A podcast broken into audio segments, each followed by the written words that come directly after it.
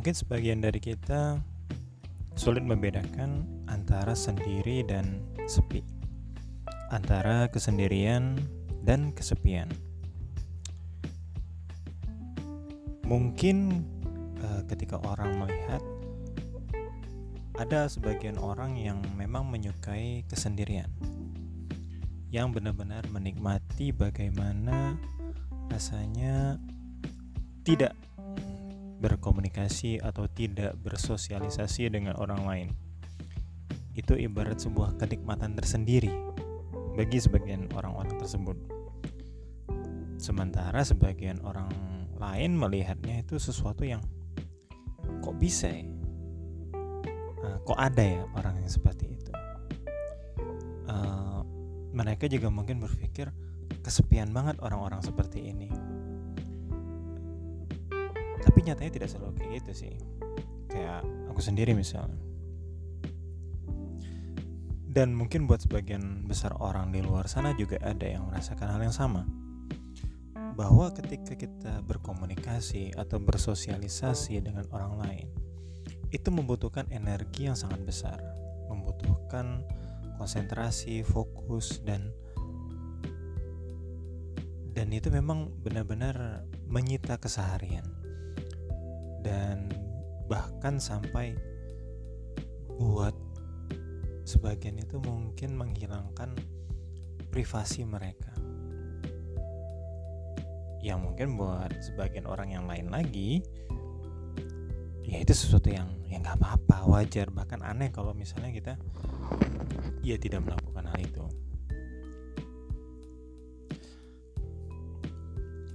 dan kesepian ini ketika sering kali juga menjadi um, samar. Artinya ketika misalnya aku nggak masalah misalnya harus katakanlah ke tempat yang relatif sorry tempat umum misalnya mall misalnya atau apa lagi? Ya tempat-tempat keramaian lain lah. Selama di keramaian itu kita tidak harus dituntut untuk uh, berelasi, berkomunikasi, bersosialisasi dengan banyak orang.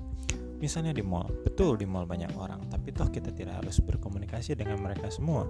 Tidak harus lantas ngobrol, berbicara dengan mereka semua. Nah, di mana lagi? Bioskop mungkin misalnya sebagai kesukaan kalau nonton bioskop. Bioskop mungkin ramai tapi ya itu kan urusan masing-masing. Toh kita fokus pada satu tujuan kita yaitu menatap layar bioskop. Maka kesendirian tetap bisa ditemukan ketika kita berada di tengah keramaian. Kesendirian itu adalah sebuah pilihan.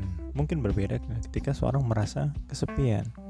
Kesepian adalah sebuah kondisi di mana seorang merasa butuh orang lain tetapi tidak mendapatkannya tapi kalau sendiri itu adalah sebuah pilihan ketika kita merasa harus melakukannya atau tidak melakukan apa pun. Kita mungkin akan melakukan sesuatu, tapi ya dengan segala apa yang kita mau lakukan sendiri dengan kemampuan kita, atau kita memilih untuk tidak melakukan apa pun, ya itulah kesendirian. Itulah sendiri dan sering kali buatku pribadi kesendirian ini berkait masalah acuh kepedulian. Mungkin terlihat sesuatu mungkin mendengar sesuatu tapi ya tidak harus diambil peduli. Ada balik lagi bisa jadi apa yang memang terlihat kembali lagi ke masalah ke keramaian tadi. Apa yang ada di sekeliling itu adalah biarkan terjadi seperti apa adanya. Karena kita tidak ada kewajiban untuk berinteraksi, untuk kemudian menunjukkan karakter kita. Bukan berarti kemudian kita hilangan simpati apalagi empati. Jauh dari itu. Simpati atau empati juga tidak harus ditunjukkan dalam selalu bentuk kata-kata atau tulisan mungkin di media sosial. Tidak harus seperti itu. Karena kesendirian selain tidak ada hubungan kesepian juga tidak ada kaitannya dengan kebaikan seseorang.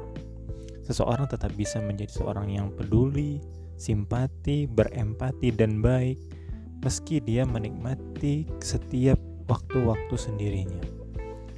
Bahkan orang-orang yang menyukai kesendirian rela meluangkan waktu dan menghabiskan energi demi berinteraksi dengan orang-orang terbaik yang mereka anggap pantas untuk mereka korbankan waktu dan energi mereka. Meski kemudian di lain waktu mereka harus menyepi, menyendiri untuk merecharge lagi energi mereka. Ketika sebagian orang mendapatkan energi dengan berkumpul, ngobrol, berinteraksi, bersosialisasi, nongkrong, sebagian orang merasa perlu mengisi energi mereka kembali dengan menyendiri, baik di tempat sepi atau di tempat ramai. thank you